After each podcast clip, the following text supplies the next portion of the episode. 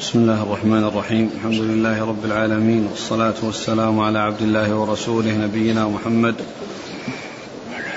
وعلى آله وصحبه أجمعين أما بعد فيقول الإمام الحافظ أبو عبد الله بن ماجه القزويني رحمه الله تعالى يقول في سننه باب ذكر وفاته ودفنه صلى الله عليه وسلم قال حدثنا علي بن محمد قال حدثنا أبو معاوية قال حدثنا عبد الرحمن بن أبي بكر عن ابن أبي مليكة عن عائشة رضي الله عنها أنها قالت لما قبض رسول الله صلى الله عليه وعلى آله وسلم وأبو بكر رضي الله عنه عند امرأته ابنة خارجة بالعوالي فجعلوا يقولون لم يمت النبي صلى الله عليه وسلم إنما هو بعض ما كان يأخذه عند الوحي.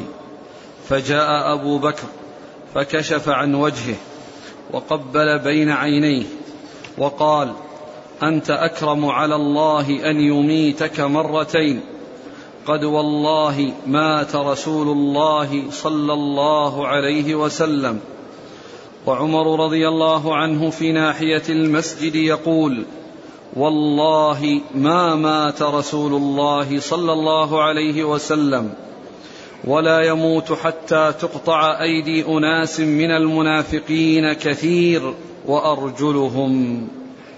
فقام أبو بكر فصعد المنبر فقال من كان يعبد الله فإن الله حي لم يمت. ومن كان يعبد محمدا فإن محمدا قد مات. وما محمد الا رسول قد خلت من قبله الرسل افان مات أو قتل انقلبتم على اعقابكم ومن ينقلب على عقبيه فلن يضر الله شيئا وسيجزي الله الشاكرين قال عمر فلكاني لم اقراها الا يومئذ بسم الله الرحمن الرحيم. الحمد لله رب العالمين وصلى الله وسلم وبارك على عبده ورسوله نبينا محمد وعلى آله وأصحابه أجمعين. أما بعد فلما ذكر المصنف رحمه الله باب مرض الرسول عليه الصلاة والسلام وذكر فيه الأحاديث المتعلقة بمرضه عليه الصلاة والسلام ذكر بعد ذلك باب وفاته ودفنه صلى الله عليه وسلم. يعني ما يتعلق بالأحاديث التي فيها ذكر وفاته عليه الصلاة والسلام والتي فيها دفنه عليه الصلاة والسلام. وورد حديث عائشة رضي الله عنها أن النبي عليه الصلاة والسلام آه، لما توفي وكان أبو بكر رضي الله عنه في في العوالي فجاء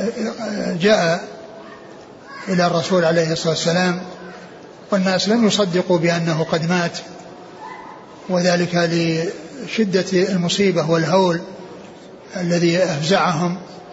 فأبو بكر رضي الله عنه كشف عن وجهه صلى الله عليه وسلم وقبله وقال لن يجمع الله لك بين موتتين.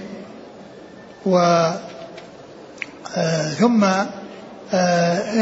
أنه آه، تلا الآية. وما محمد إلا رسول قال ومصدقه كان يأكل الطعام.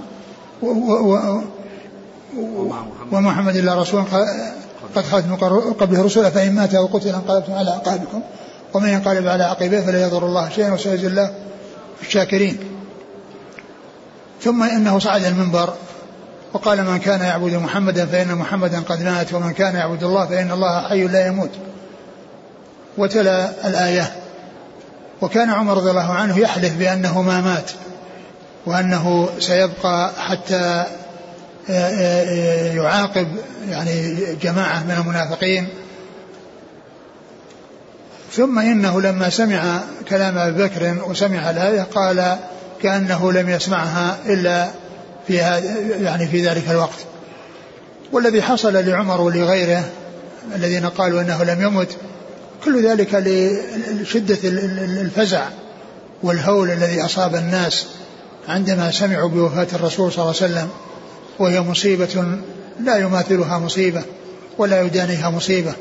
ولهذا سبق أن مر أن العزاء بأي مصيبة بتذكر المصيبة بالرسول عليه الصلاة والسلام. أقرأ الحديث قالت عائشة. لما قبض رسول الله صلى الله عليه وسلم وأبو بكر عند امرأته ابنة خارجة بالعوالي فجعلوا يقولون لم يمت النبي صلى الله عليه وسلم. نعم لما قبض يعني لما توفي قبضت روحه عليه الصلاة والسلام وكان أبو بكر بالعوالي وكانوا يقولون لم يمت الرسول عليه الصلاة والسلام. ومنهم عمر الذي يقسم على ذلك وأن وذلك لشدة الهول والمصيبة التي أفزعتهم وأقلقتهم. وجعلتهم في ذهول وفي كرب وفي مصيبة لا يماثلها مصيبة. لأنه عليه الصلاة والسلام كان بين أظهرهم وكانوا آه، يسمعون حديثه ويتلقون عنه الكتاب والسنة ثم حصلت هذه الصدمة العظيمة التي لا يماثلها مصيبة. فبعضهم لم يصدق بأنه قد مات. وأبو بكر رضي الله عنه جاء وقبله وقال إنه قد مات وأن أن أن أن أن أن أنه لن يجمع له بين موتتين وأن هذه الموتة التي لا بد منها قد ذاقها صلى الله عليه وسلم وأنه خرج من الدنيا إلى الآخرة وأنه آه، في الرفيق الأعلى آه، وهو في قبره في حياة برزخية هي أكمل من حياة الشهداء وقد أخبر الله عز وجل عن الشهداء أنهم أحياء عند ربهم يرزقون وهم إنما حصلوا ما حصلوا بسبب اتباعه عليه الصلاة والسلام والانقياد لما جاء به عليه الصلاة والسلام. فهو حق منهم وهو أولى منهم بأي فضل وبأي يعني ثواب وجزاء لأن الجزاء الذي حصل لهؤلاء الشهداء إنما هو باتباعهم النبي عليه الصلاة والسلام وجهادهم معه حتى خرجت أرواحهم في سبيل الله وهم يجاهدون مع رسول الله صلى الله عليه وسلم. نعم. فجعلوا يقولون لم يمت النبي صلى الله عليه وسلم إنما هو بعض ما كان يأخذه عند الوحي. يعني أنه كان عليه الصلاة والسلام عندما يعني يوحى إليه يصيبه شدة. ولهذا يعني يغطونه كما جاء في بعض الأحاديث يعني عندما يحصل له شدة يعني شدة عظيمة عند إلقاء الوحي عليه. فقالوا إنه أن هذا الذي حصل له مثل الذي كان يحصل له عند نزول الوحي عليه من الشدة. فإذا يكون هو من هذا القبيل. نعم. فجاء أبو بكر فكشف عن وجهه وقبل بين عينيه. نعم. وقال أنت أكرم على الله. وهذا فيه تقبيل الميت وأنه سائغ وجائز. في حق الرجال وكذلك في حق المحارم من النساء يعني بين بين الرجال والنساء. فالرجل يقبل محارمه وكذلك المرأة تقبل من كان محرما لها. نعم. وقال أنت أكرم على الله أن يميتك مرتين. نعم. قد والله مات رسول الله صلى الله عليه وسلم وعمر في ناحية المسجد يقول والله ما مات رسول الله صلى الله عليه وسلم ولا يموت حتى تقطع أيدي أناس من المنافقين كثير وأرجلهم. وهذا هذا يدل على على على ما كان عليه أبو بكر رضي الله عنه من الصبر والتحمل واليقين و آه، آه، وأنه يعني لم يكن مثل غيره من أولئك الناس الذين أصابهم الذهول فصاروا لم يصدقوا بوفاة الرسول صلى الله عليه وسلم فقال إنه قد مات وأن وأن أنه انتقل من هذه الحياة الدنيا إلى الدار الآخرة. نعم. فقام أبو بكر فصعد المنبر فقال من كان يعبد الله فإن الله حي لم يمت ومن كان يعبد محمدا فإن محمدا قد مات. فيعني آه، بين أنه عليه أنه عليه الصلاة والسلام أنه قد مات وأن الله عز وجل هو الباقي الذي لا يموت وهو الذي المعبود الذي له العبادة والمخلوقون آه، كلهم عبيد لله عز وجل وفي مقدمتهم الرسل الكرام عليهم الصلاة والسلام وأفضلهم نبينا وسيدنا محمد عليه الصلاة والسلام الذي هو أفضلهم و وقد حصل له الموت وكل نفس ذائقة الموت وكل من عليها فان ويبقى وجه ربك ذو الجلال والإكرام. فقال إن أن المعبود هو الباقي وأما العبيد فإنهم ينتهون. العبيد ينتهون لأن العبد لا بد له من نهاية والمعبود هو الذي لا لا بداية له ولا نهاية. لا بداية له ولا نهاية سبحانه وتعالى.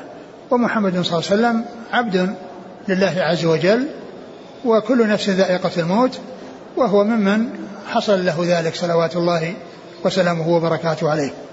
ولكنه انتقل إلى دار الجزاء وإلى النعيم المقيم وفي الرفيق الأعلى مع الذين أنعم الله عليهم من النبيين والصديقين والشهداء والصالحين وحسن أولئك رفيقا.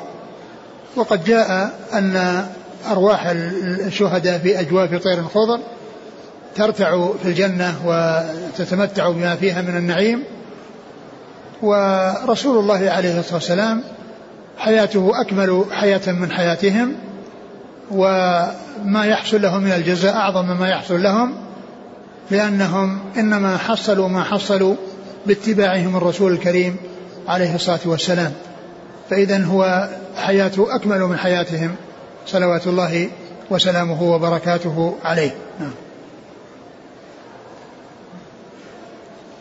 وما محمد إلا رسول قد خلت من قبله الرسل أفإن مات أو قتل انقلبتم على أعقابكم ومن ينقلب على عقبيه فلن يضر الله شيئا وسيجزي الله الشاكرين وكان هذه الشجاعة وهذا الصبر وقوة الجأش من أبي بكر رضي الله عنه حصل عند وفاته صلى الله عليه وسلم وكذلك أيضا في محاربة المرتدين الذين ارتدوا بعد وفاة الرسول عليه الصلاة والسلام فكان عنده من الشجاعة والقوة ما أقدم على أن يعيدهم إلى ما كانوا عليه وأن يكون الناس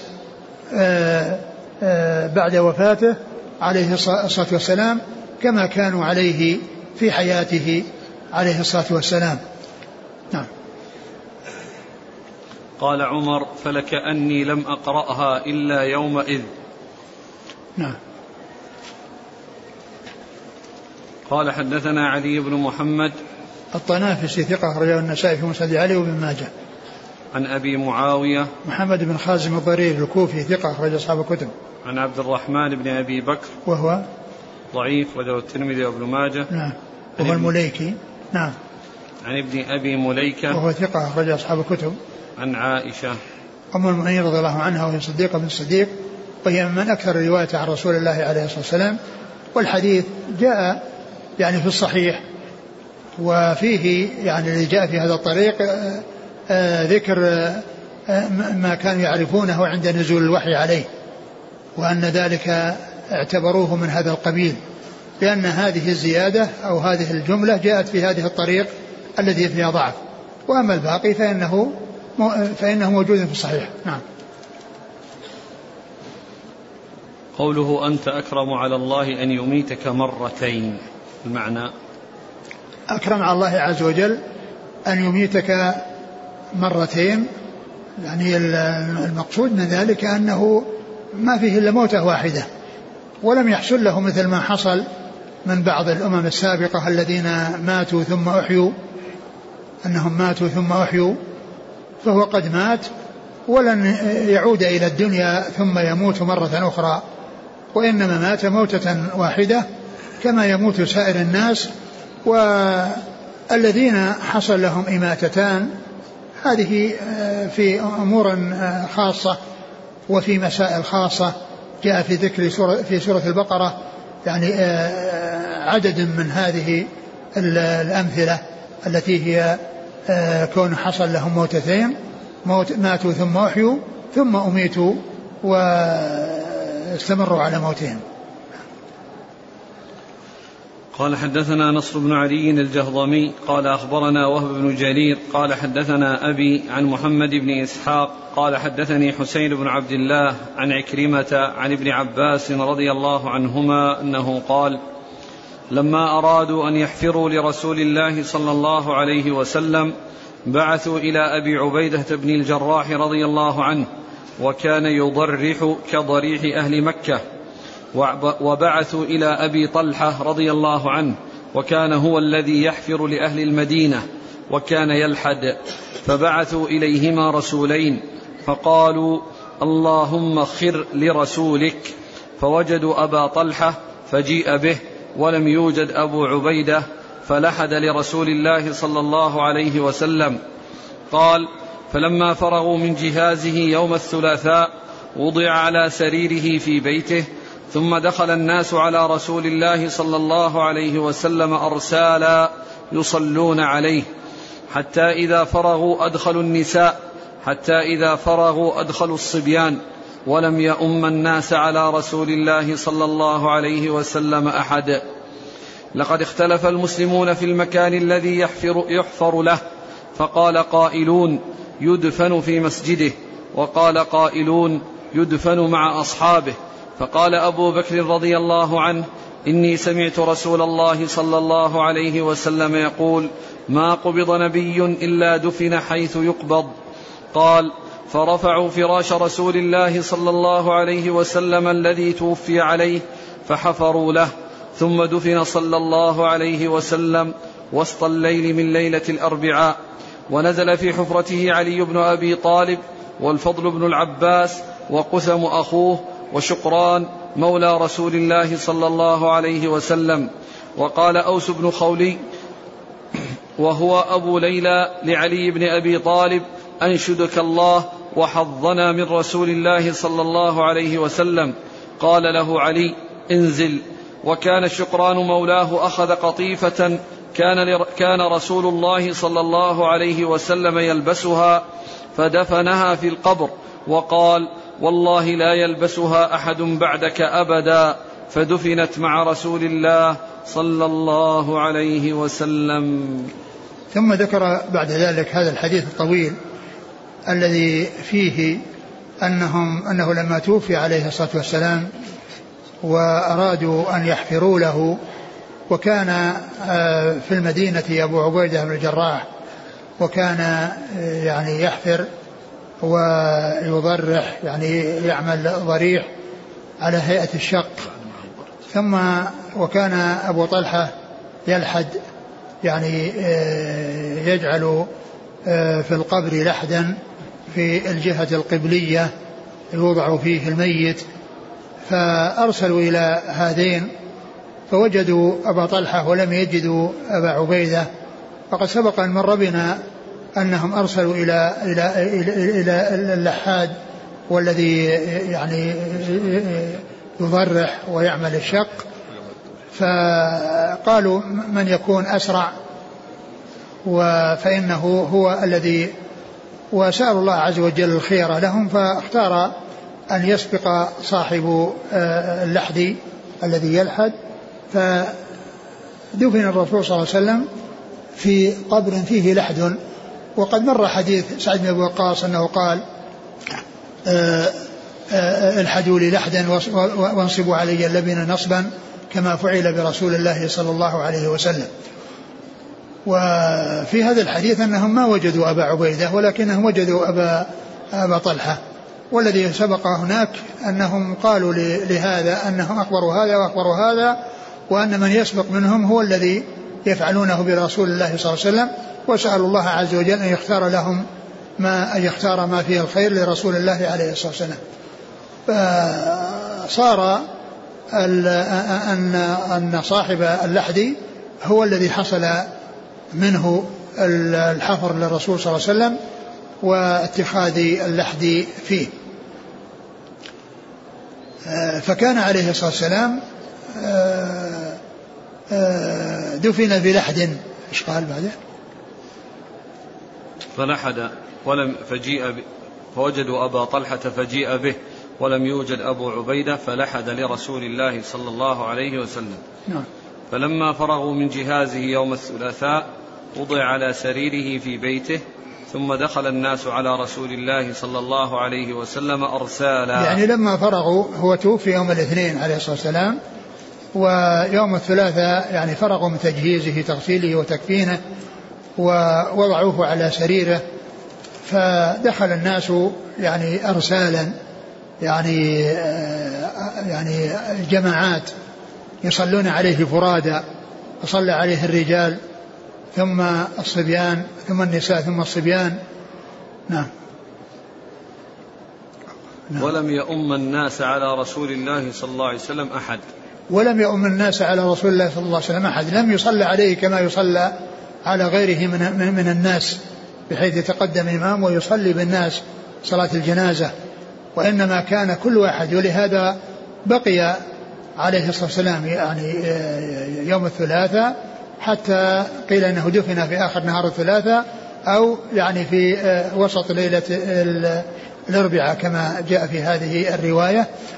وذلك أو وجه ذلك أو علل ذلك ليتمكنوا من الصلاة عليه صلى الله عليه وسلم يعني أفرادا وكل واحد يصلي عليه على حدة وذلك يستغرق وقتا سيما قد حصل ذلك للرجال والنساء والصبيان.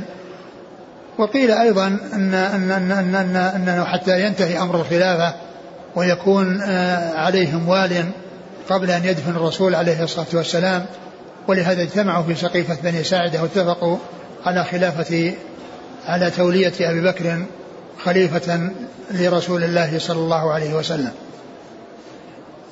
نعم. لقد اختلف المسلمون في المكان الذي يحفر له فقال قائلون يدفن في مسجده وقال قائلون يدفن مع أصحابه فقال أبو بكر إني سمعت رسول الله صلى الله عليه وسلم يقول ما قبض نبي إلا دفن حيث يقبض. ثم ذكر أنهم اختلفوا ماذا يصنعون برسول الله عليه الصلاة والسلام في دفنه؟ أين يدفنونه؟ فهل يدفنونه مع أصحابه في البقيع؟ أو يدفنونه في, في, في, في حجرته؟ فروى أبو بكر رضي الله عنه عن النبي صلى الله عليه وسلم أنه قال إن كل نبي يدفن حيث يقبض يعني حيث يقبض يكون دفنه في المكان الذي قبض فيه. فأخرجوا يعني حفروا له في مكان سريره صلى الله عليه وسلم في حجرته ودفنوه يعني في ذلك وهذا من خصائصه عليه الصلاة والسلام. يعني من خصائصه عليه الصلاة والسلام أنه دفن في البنيان وغيره لا يدفن في البنيان وقد جاء النهي عن ذلك. وأما دفن أبي بكر وعمر رضي الله تعالى عنهما فإنما كان تبعا للرسول عليه الصلاة والسلام. لا يقال أن دفن أبي بكر وعمر أنه في بنيان فإذا يجوز أن يدفن الناس بالبنيان وأن هذا ليس خاصا بالرسول عليه الصلاة والسلام هو خاص بالرسول صلى الله عليه وسلم ولكن هؤلاء جاءوا تبعا تبعا له عليه الصلاة والسلام. فالدفن في البنيان من خصائصه ولهذا لا يبنى على القبور ولا يدفن الموتى في البنيان ولا يدفن الموتى في البنيان والبيوت لا تتخذ مقابر. لا تتخذ مقابر يدفن فيها الأموات ولا تعامل معاملة المقابر بحيث أنه لا يصلى فيها كما لا يحصل الصلاة في المقابر وإنما يصلى في البيوت ولا ولا تشبه بالمقابر. وكذلك أيضا لا تكون محلا للقبر بحيث يقبر الموتى في آه، يعني في آه، في البيوت. فإذا من خصائص صلى الله عليه وسلم الدفن بالبنيان.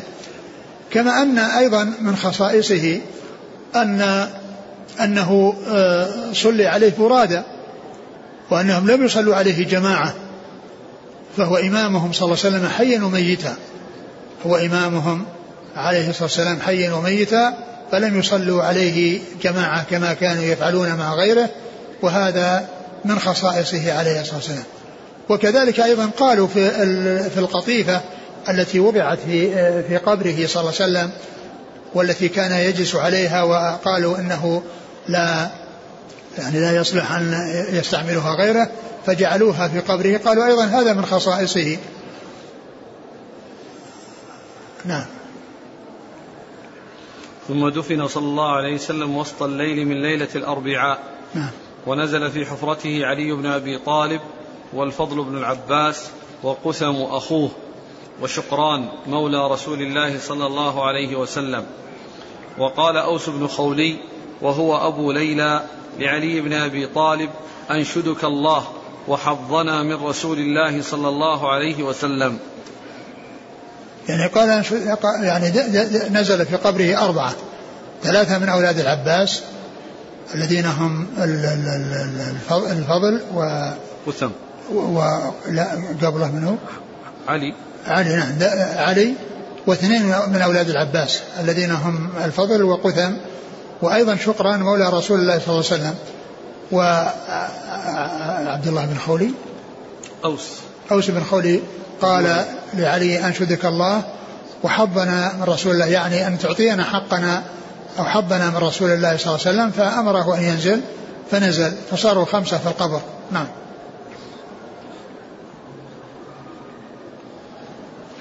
قال له علي انزل وكان شقران مولاه أخذ قطيفة كان رسول الله صلى الله عليه وسلم يلبسها فدفنها في القبر وقال والله لا يلبسها أحد بعدك أبدا فدفنت مع رسول الله صلى الله عليه وسلم. قال حدثنا نصر بن علي الجهضمي. ثقة أخرج أصحاب الكتب. عن وهب بن جرير. وهو ثقة أخرج أصحاب الكتب. نعم. عن أبيه. أبي جرير بن حازم وهو ثقة أخرج أصحاب الكتب. عن محمد بن إسحاق. صدوق خرجه البخاري تعليقا ومسلم وأصحاب السنة. عن حسين بن عبد الله. وهو ضعيف. رواه الترمذي وابن ماجه. نعم. عن عكرمة. عكرمة هو ابن عباس ثقة أخرج أصحاب الكتب. عن ابن عباس. عبد الله بن عباس بن عبد المطلب رضي الله تعالى عنهما أحد العبادلة الأربعة وأحد السبعة المكثرين من حديث الرسول صلى الله عليه وسلم. والحديث آه في إسناده هذا الرجل الضعيف ولكن بعضه جاء في الأحاديث آه الصحيحة. يعني مثل قضية الدفن الدفن في المكان الذي قبض فيه عليه الصلاة والسلام وكذلك أيضا قضية اللحد. نعم. هل يؤخذ من الحديث جواز الاستخارة بهذه الطريقة؟ جواز؟ خر خر لرسول الله. هل يجوز هل يؤخذ من الحديث جواز الاستخارة بهذه الطريقة؟ يعني سؤال الله عز وجل أن يختار ما فيه الخيرة. يعني لكن الاستخارة صلاة الاستخارة يعني معلوم أن الإنسان يصلي ركعتين ويسأل الله عز وجل. لكن يعني يعني الصحابة رضي الله عنهم وأرضاهم لما كانوا مترددين بين اللحد وبين الشق و يعني طلبوا هذا وهذا وسبق أو حصلوا هذا الذي يلحد وكانوا سألوا الله يختار لنبيه صلى الله عليه وسلم ما فيه الخير فاختار فاختار لنبيه اللحد. نعم. القطيفة هذه كانت لباس أو فراش؟ لا القطيفة في الأصل أنها فراش أنها فراش لكن هنا يقول قال إيش قال فيها؟ يلبسها مع أن اللبس يعني كما هو معلوم يطلق على على الافتراش مثل ما جاء في الحصير الذي جاء في حديث أنس آه الذي أتوا إلى إلى آه إلى حصير قد اسود من طول ما لبس. أي استعمل. نعم.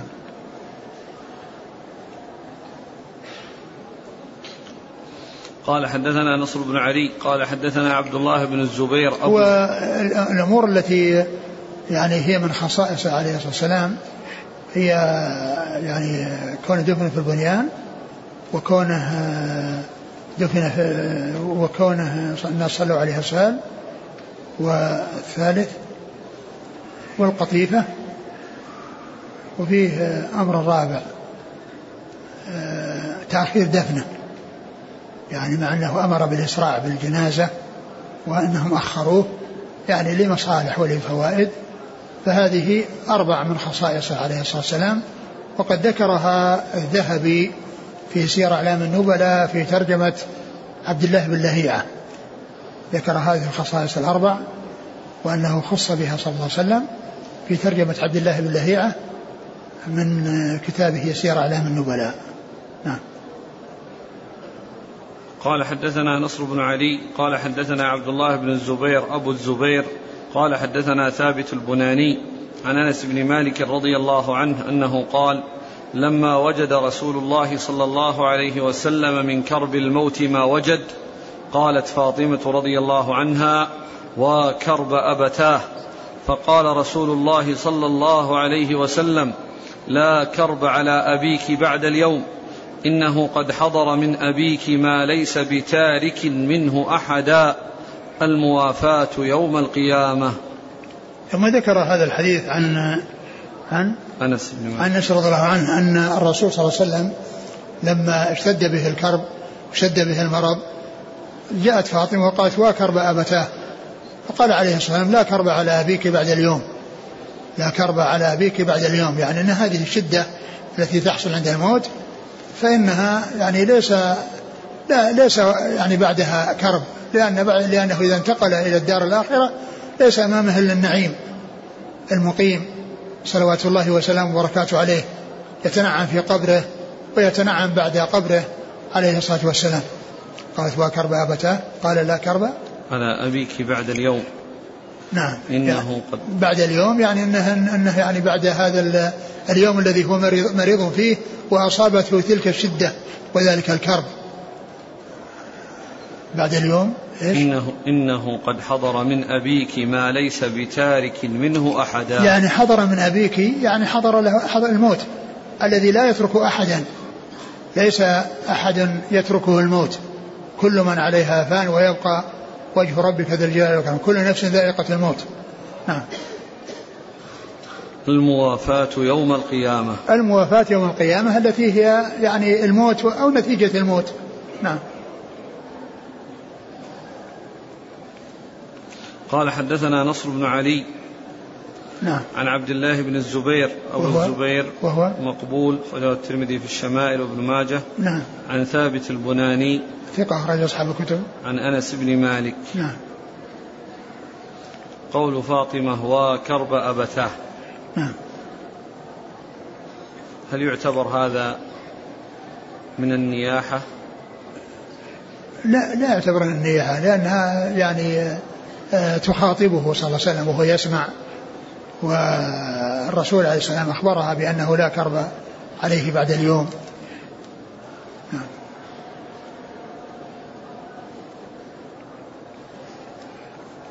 ثم هذا في الحياة وليس بعد الموت. ولا تخبر عن شيء قد حصل أو تشاهده وتعاينه وقد مر أنه ليس هناك أحد يعني أشد أو حصل له الوجع في مرضه مثل ما حصل للرسول صلى الله عليه وسلم. قال حدثنا علي بن محمد قال حدثنا أبو أسامة قال حدثني حماد بن زيد قال حدثني ثابت عن أنس بن مالك رضي الله عنه أنه قال قالت لي فاطمة رضي الله عنها يا أنس كيف سخت أنفسكم أن تحثوا التراب على رسول الله صلى الله عليه وسلم؟ وحدثنا ثابت عن أنس أن فاطمة قالت حين قبض رسول الله صلى الله عليه وسلم وأبتاه إلى جبرائيل أنعاه وأبتاه من ربه ما أدناه وأبتاه جنة الفردوس مأواه وأبتاه أجاب ربا دعاه. قال حماد فرأيت ثابتا حين حدث بهذا الحديث بكى حتى رأيت أضلاعه تختلف. ثم ذكر هذا الحديث عن عن أنس. نعم, نعم. عن أنس رضي الله عنه أن أن فاطمة قالت كيف كيف سخت. سخت أنفسكم. أنفسكم أن تهيلوا التراب على رسول الله صلى الله عليه وسلم. يعني كيف حصل أو كيف سمحت نفوسكم أو آه، أقدمتم على هذا يعني وهذا كله من شدة المصيبة التي حصلت. ومثل مثل مثل ما تقدم الذين قالوا إنه ما مات وذلك لهول المصيبة ولشده فقده عليهم آه، صلوات الله وسلامه وبركاته عليه. كيف جادت أنفسكم أو كيف سخت أنفسكم أو آه، أنه سهل عليكم؟ وهذا شيء لا بد منه. الذي فعلوه شيء لا بد منه ولكن لهول المصيبة يعني قالت ما قالت كما قال قبلها من قال أنه لم يمت. نعم.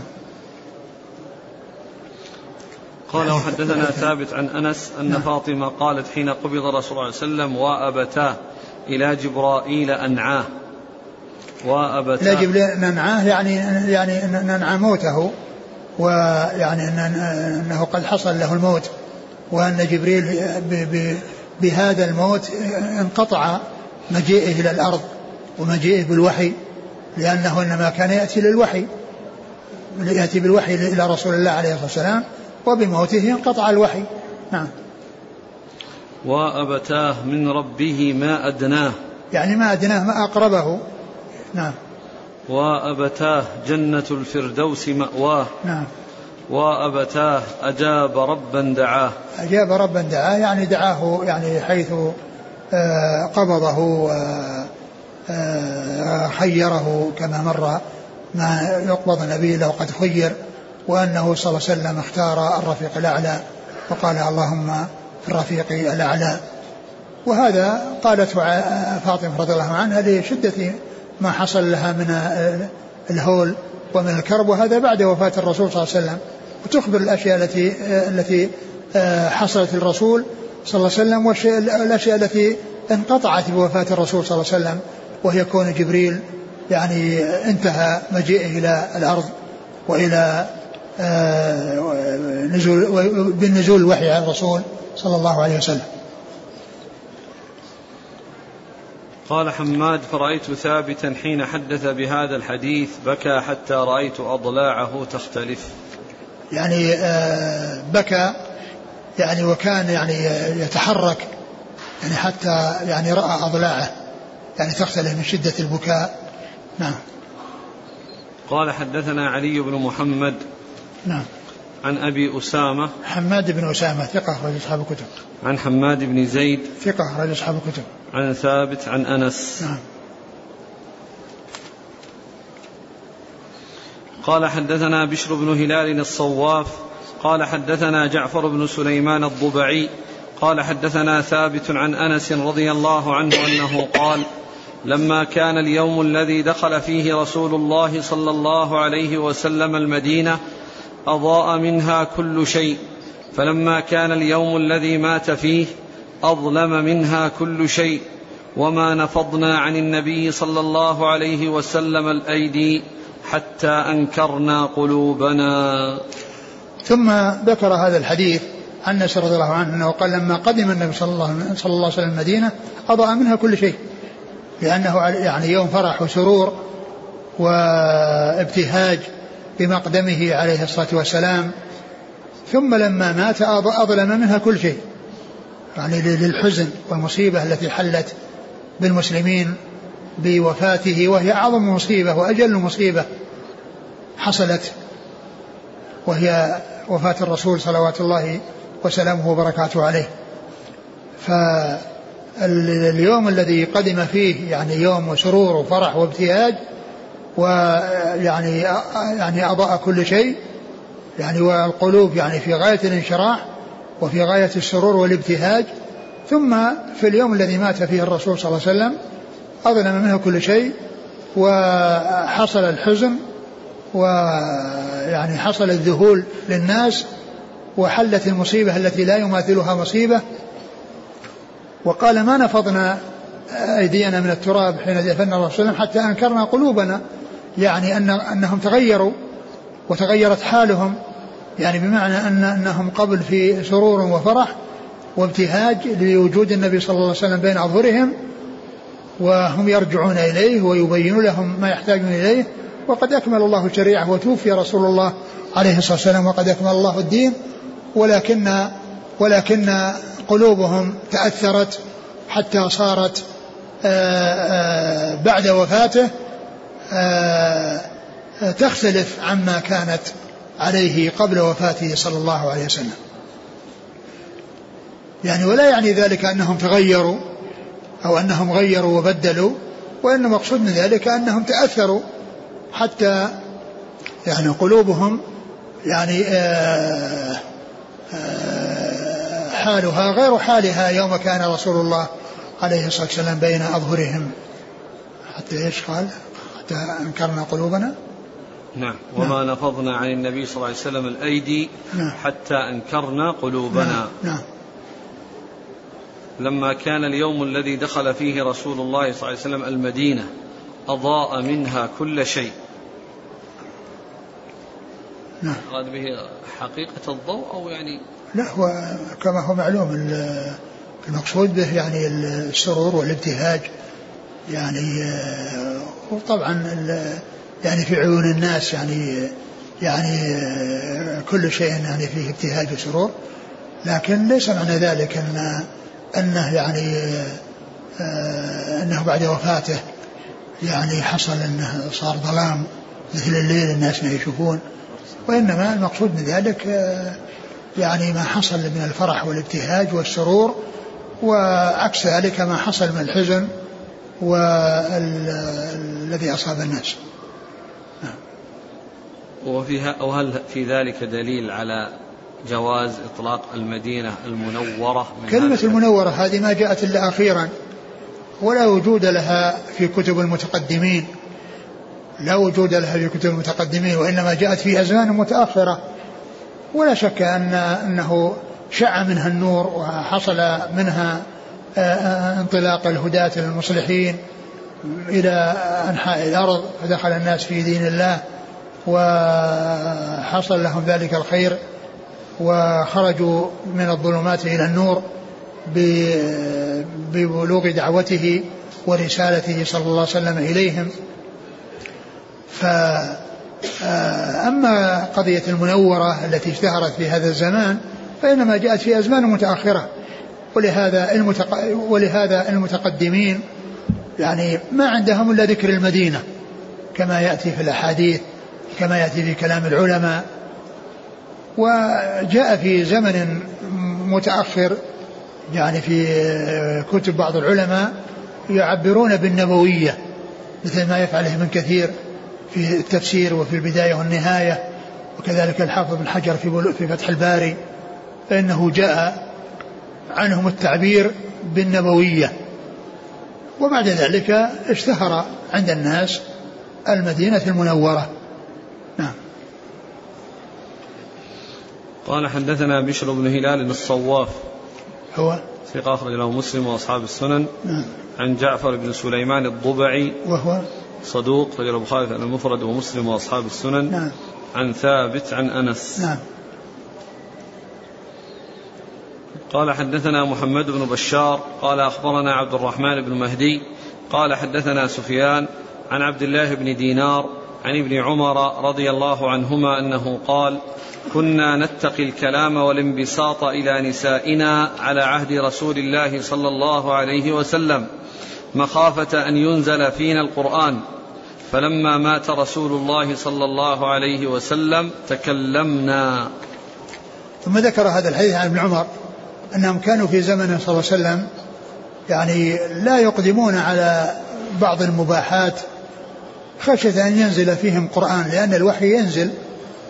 فلما مات رسول الله صلى الله عليه وسلم صاروا يقدمون على هذه الأشياء المباحة التي ليس هناك يعني نص من الشارع يمنعها في التعامل مع نسائهم والكلام مع نسائهم. ففي زمن صلى الله عليه وسلم والوحي ينزل كانوا لا يقدمون على بعض الأشياء التي هي مباحة خشية أن ينزل قرآن بها يعني آه، يمنعون منها.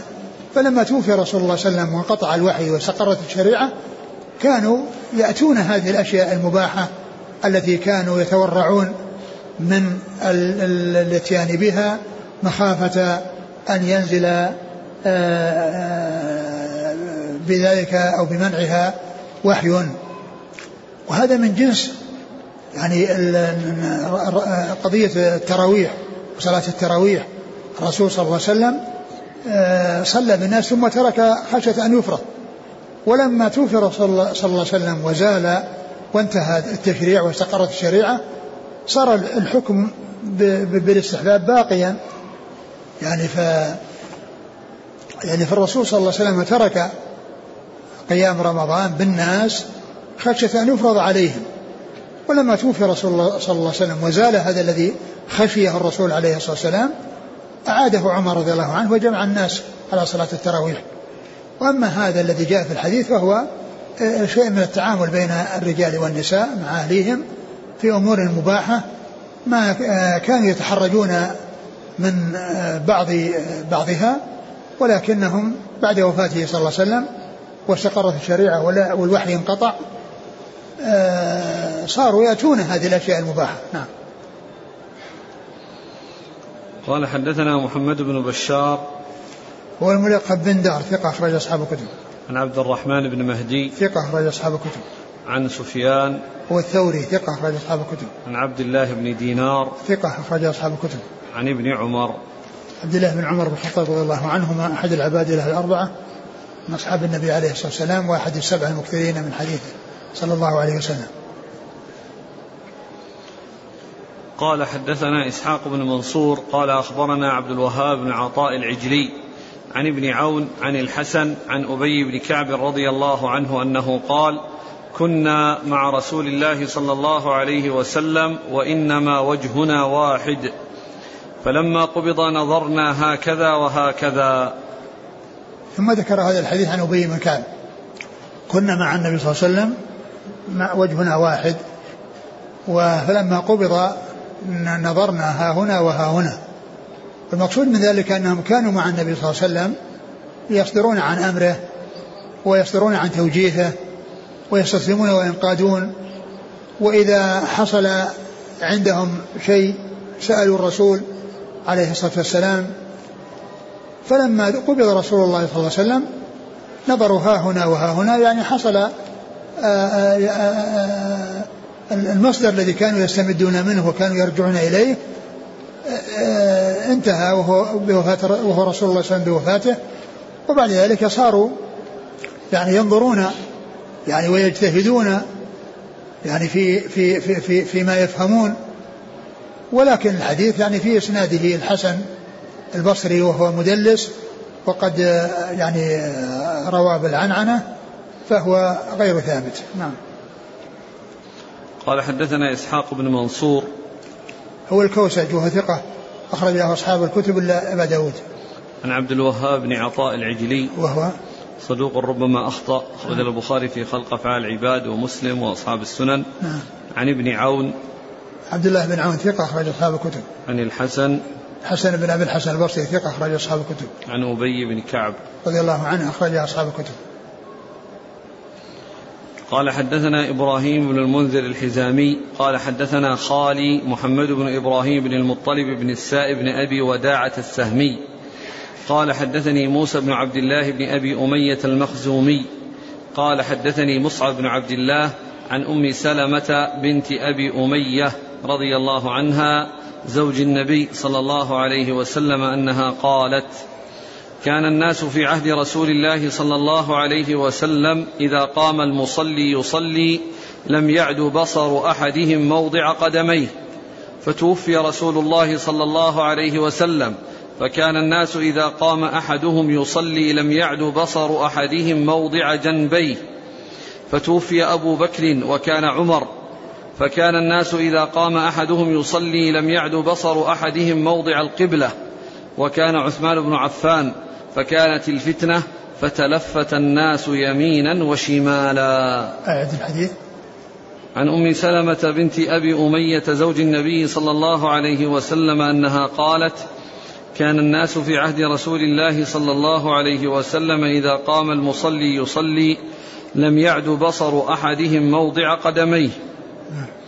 فتوفي رسول الله صلى الله عليه وسلم فكان الناس إذا قام أحدهم يصلي لم يعد بصر أحدهم موضع جنبيه.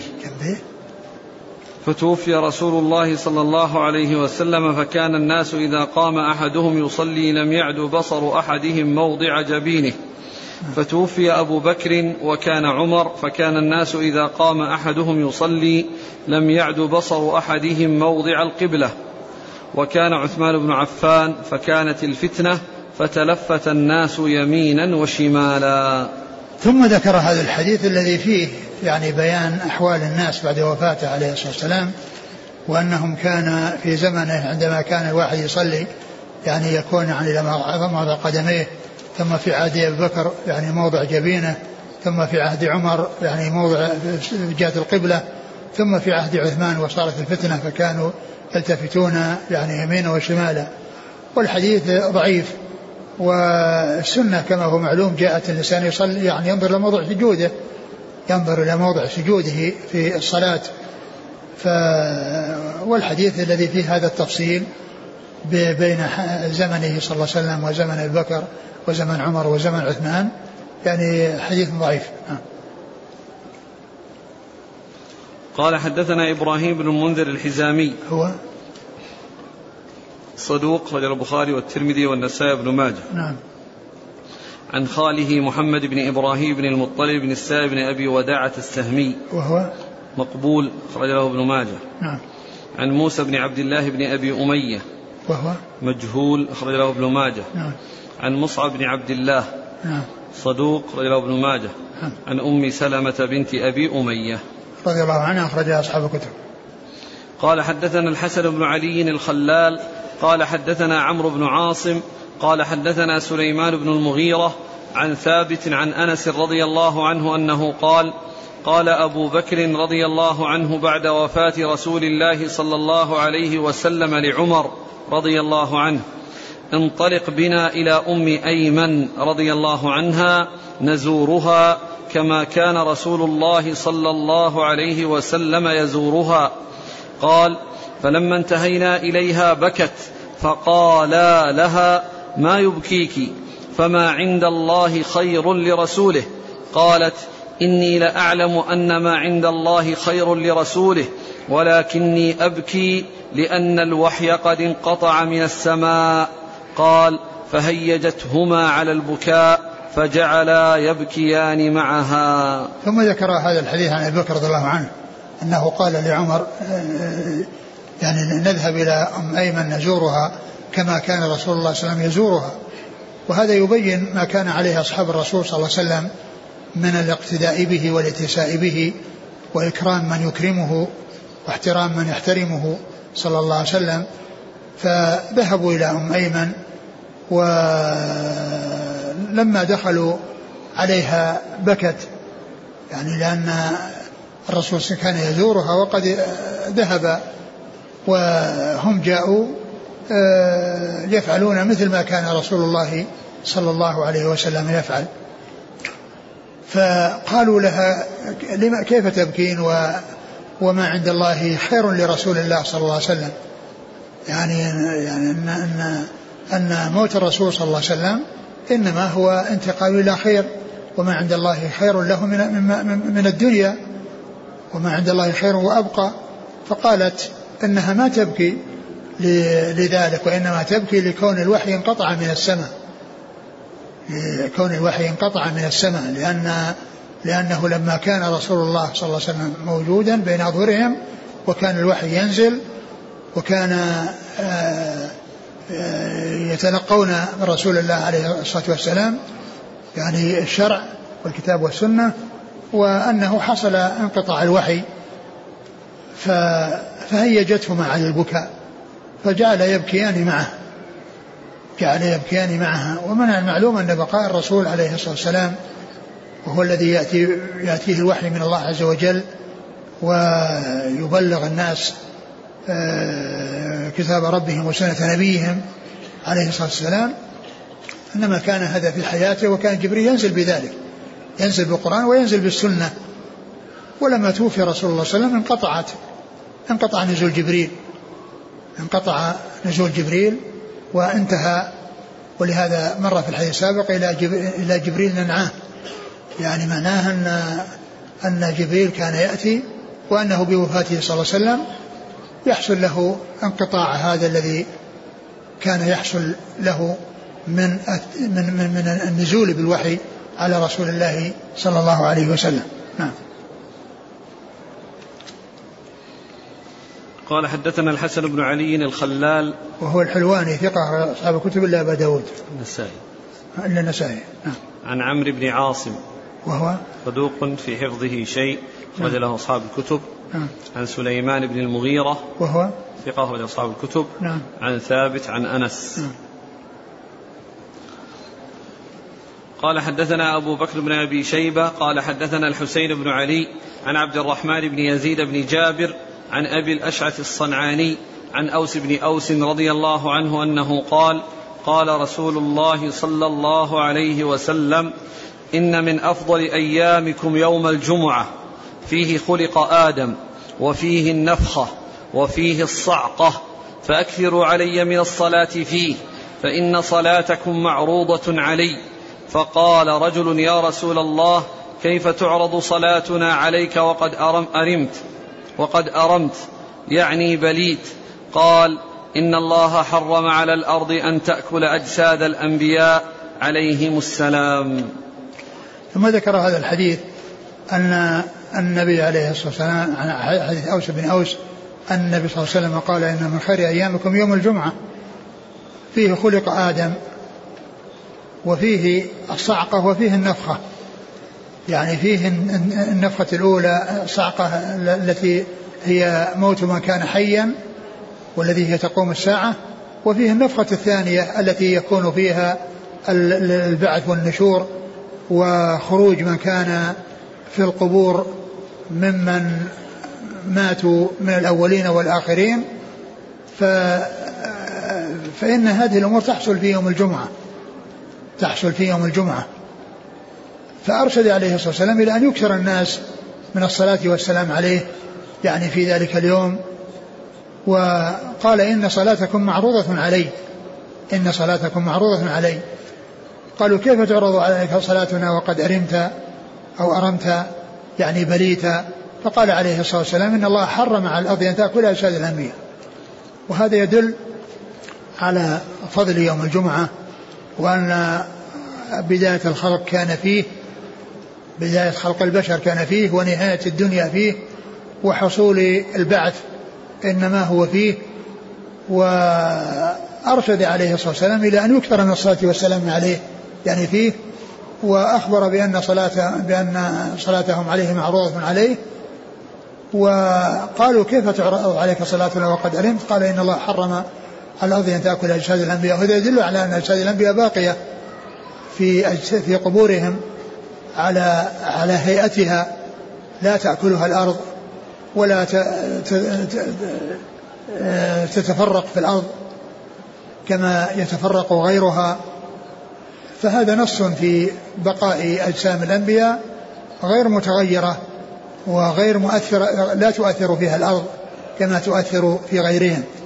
ولهذا لما كان الأصل الذي يعرفه الناس أن الأجساد تبلى وأنها تأكلها الأرض والله عز وجل يقول قد علمنا ما تنقص الأرض منهم يعني وذلك باختلاط أجسامهم بالتراب عندما يعني تتلاشى وتضمحل والله تعالى يعيدها من ذلك التراب الذي اختلطت فيه ثم يرجعها إلى ما كانت عليه ثم يبعثها فبين عليه الصلاة والسلام أن الأنبياء يختلفون عن غيرهم وأن الأرض لا تأكل أجسامهم بل هي باقية على هيئتها حتى البعث والنشور. قال أوله أول حديث. إن من أفضل أيامكم يوم الجمعة. نعم ويوم الجمعة يعني هذا هو خير الأيام وهو عيد وهو عيد المسلمين الأسبوعي. فإن فإنه يقال له يوم عيد. نعم. أيامكم يوم الجمعة. نعم. فيه, فيه خلق آدم فيه خلق آدم لأنه خلق يوم الجمعة. وفيه النفخة. نعم. نفخة النفخة الصور الذي يحصل به الموت. موت ما كان حيا. وفيه الصعقة. نعم. فأكثروا علي من الصلاة فيه. نعم. فإن صلاتكم معروضة علي. نعم. يسأل ما, ما معنى معروضة علي؟ يعني قوله معروضة علي أي أنها واصلة إليه ومبلغة إياه وذلك بواسطة الملائكة كما جاء في الحديث أن لله ملائكة سياحين يبلغون عن أمة السلام. وكذلك الحديث الآخر لا تتخذوا قبري عيدا ولا تتخذوا بيتكم قبورا وصلوا علي فإن صلاتكم تبلغني حيث كنتم أي بواسطة الملائكة. كما جاء في الحديث الآخر الذي أشرت إليه إن لله ملائكة سياحين يبلغوني عن أمة السلام. نعم. فقال رجل يا رسول الله كيف تعرض صلاتنا عليك وقد أرمت؟ قال يعني بليت. قال إن الله حرم على الأرض أن تأكل أجساد الأنبياء. يعني هذا يعني على على على اعتبار ما هو معروف يعني من حال الناس في القبور. وأنهم آه، تتلاشى أجسامهم وتختلط بالتراب كما قال الله عز وجل قد علمنا ما تنقص الأرض منهم. قد علمنا ما تنقص الأرض منهم يعني من, من أجسامهم بحيث يختلطون مع بالتراب. فعلى يعني فهمهم أن هذا إنما هو عام فبين عليه الصلاة والسلام أن الأنبياء ليسوا كذلك حيث قال عليه الصلاة والسلام إن الله حرم على الأرض أن تأكل أجساد الأنبياء. نعم. قال حدثنا أبو بكر بن أبي شيبة عن الحسين بن علي ثقة أخرج أصحاب الكتب. عن عبد الرحمن بن يزيد بن جابر وهو؟ ثقة أخرج أصحاب الكتب. نعم. عن أبي الأشعث الصنعاني وهو؟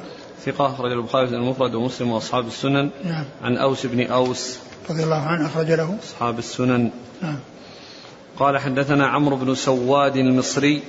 قال حدثنا عبد الله بن وهب عن عمرو بن الحارث عن سعيد بن أبي هلال عن زيد بن أيمن عن عبادة بن نسي عن أبي الدرداء رضي الله عنه أنه قال قال رسول الله صلى الله عليه وسلم اكثروا الصلاة علي يوم الجمعة فإنه مشهود تشهده الملائكة فإن احدا لن يصلي علي إلا عرضت علي صلاته حتى يفرغ منها. قال قلت وبعد الموت؟ قال وبعد الموت. ان الله حرم على الأرض ان تاكل اجساد الانبياء عليهم السلام فنبي الله حي يرزق. ثم ذكر هذا الحديث عن عن أبي الدرداء. أبي الدرداء رضي الله عنه. قال أكثر الصلاة علي يوم الجمعة. نعم. فإنه مشهود تشهده الملائكة. فإن أحدا لن يصلي علي إلا عرضت علي صلاته حتى يفرغ منها. يعني هذا فيه أقول هذا فيه يعني أن أن يوم الجمعة يكثر فيه من الصلاة والسلام على رسول الله صلى الله عليه وسلم وأنه يعني آه، الملائكة تبلغ نعم الرسول صلى الله تبلغ الرسول عليه الصلاة والسلام. قال قلت وبعد الموت قال وبعد الموت إن الله حرم على الأرض أن تأكل أجساد الأنبياء عليهم السلام فنبي الله حي يرزق. نبي الله حي يرزق يعني مثل ما قال الله عز وجل عن الشهداء آه، بل عند ربهم يرزقون. والحياة التي حصلوها والثواب الذي حصلوه إنما هو باتباع الرسول عليه الصلاة والسلام فهو أولى بذلك منهم وهو أحق بذلك منهم وحياته أكمل من حياتهم وما يحصل لهم من النعيم أكمل مما يحصل لهم من النعيم.